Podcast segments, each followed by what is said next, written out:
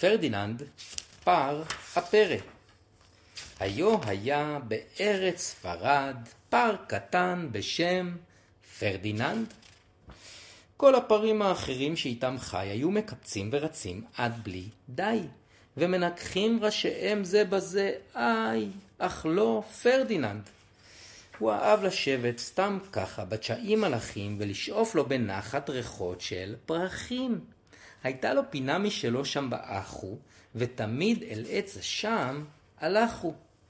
זה היה העץ החביב עליו, ובצילו כל היום ישב וישב, וריחות של פרחים שאף ושאף.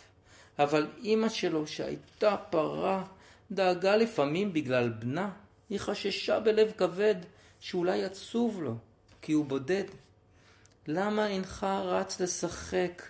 בשכונה כמובן, ואל תתרחק. עם שאר הפרים הקטנים, מחבואים, או תופסת, או חמש אבנים.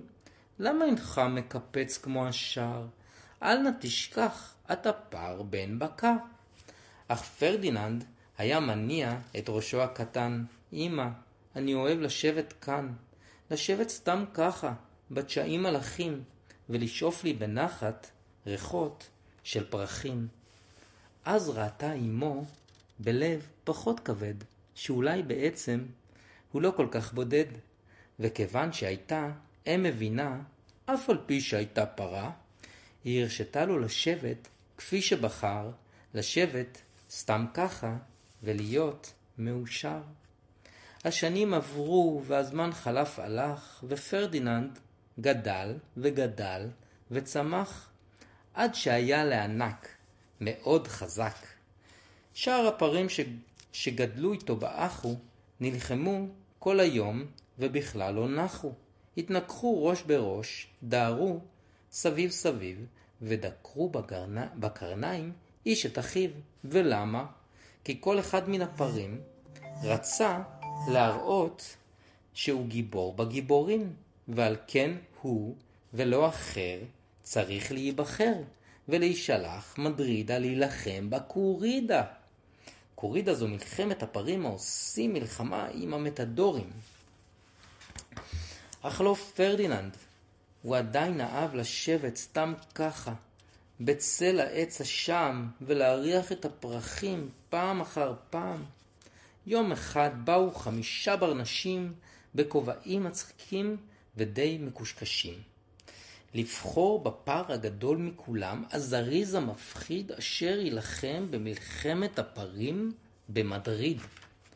כל הפרים פרצו במרוצה, נח, נחרו ודילגו וניגחו בקפיצה. ולמה? כדי שהברנשים יחשבו אותם לפרים חזקים שאין דוגמתם, וישלחו אותם מדרידה להילחם בקורידה. פרדיננד ידע שהוא לא ייבחר, ולא היה אכפת לו שישלחו פר אחר. לכן הסתובב והלך שוב הפעם לשבת בנחת בצל עץ השם. הוא כלל לא התבונן היכן הוא רובץ, ובמקום לשבת על הדשא בצל העץ, הוא התיישב זה נורא דווקא על דבורה. ובכן, לא הייתם דבורת בר, ולפתע התיישב עליכם פר. מה הייתם עושים? ודאי עוקצים. וכך בדיוק עשתה הדבורה, היא את פרדיננד דקרה. וואו, זה כאב נורא. פרדיננד קפץ בסערה. הוא דהר מסביב, נושף ונוחר, נוגח בקרניו, בטלפיו, מאפר ודילג וכרכר וקפץ ועף. כאילו היה מטורף. חמשת הברנשים אז פקחו עיניים והריעו בשמחה עד לב השמיים. הנה העצום, הזריז, המפחיד. מכל הפרים הוא ייסע למדריד. והם לקחו אותו הצידה ומיד הסיעו אותו הישר אל הקורידה. איזה יום נהדר, איזה יום, דגלים התנופפו ברום, תזמורות ניגנו בכל מקום, וכל הגברות ההדורות כלאו זרי, זרי פרחים בשערות. הם נכנסו לזירה בתהלוכה מפוארה. תחילה צעדו הבנדלירים בשורה לא כל כך ישרה, וכל אחד נושא מחט חדה וארוכה שבה דוקרים לפר שהתרגז כהלכה. ומיד אחריהם באו הפיקדורים העזים רכובים על סוסים רזים, וכל אחד נושא חנית ברוב פאר, שבה דוקרים לפר שהתרגז עוד יותר. ואז, גאה וגיבור, הופיע המתדור. הוא חשב שהוא יפה עד למאוד, וכד לגברות עוד ועוד ועוד. הייתה לו גלימה פרחונית ואדומה וחרב ארוכה שבה ידקור את הפר לאחר שידקרו כל השאר. ואז בא הפר. והפר הזה ודאי מוכר לכם, לא כן? היה זה פרדיננד. קראו לו פרדיננד הפר האכזר. הבנדלירים פחדו מפניו, והפיקדורים רעדו מול קרניו, אחד אחד וכולם ביחד. אפילו המטדור קיבל כאב בטן מרוב פחד. פרדיננד יצא בדהרה אל מרכז הזירה. כולם מחאו כף וצעקו, הידד, הורה!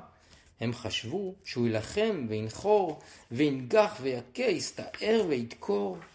אך לא פרדיננד. כאשר הגיע בדהרה אל מרכז הזירה, ראה לפתע תמונה מוכרה, פרחים. בראשי הגבירות היפות פרחים, וכולם עדיפים ריחות ניחוחים. הוא פשוט ישב ובשקט שאף מלוא ריאותיו. הוא לא נאם והוא לא נלחם. לשווא עשו ולשווא ניסו. הוא פשוט ישב ושאף ושאף.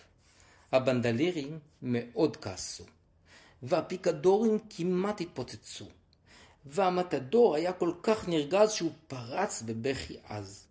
כי איך יכול להתרברב אתה בגלימתו האדומה ובחרבו המרוטה? וכך צריכים היו לקחת את פרדיננד הביתה בקרון מלא שחת. ועד כמה שידוע לי עכשיו, הוא עדיין יושב שם כפי שישב, סתם ככה בשקט, בצל עץ אשם, ומריח את הפרחים פעם אחר פעם. הוא מאושר מאוד.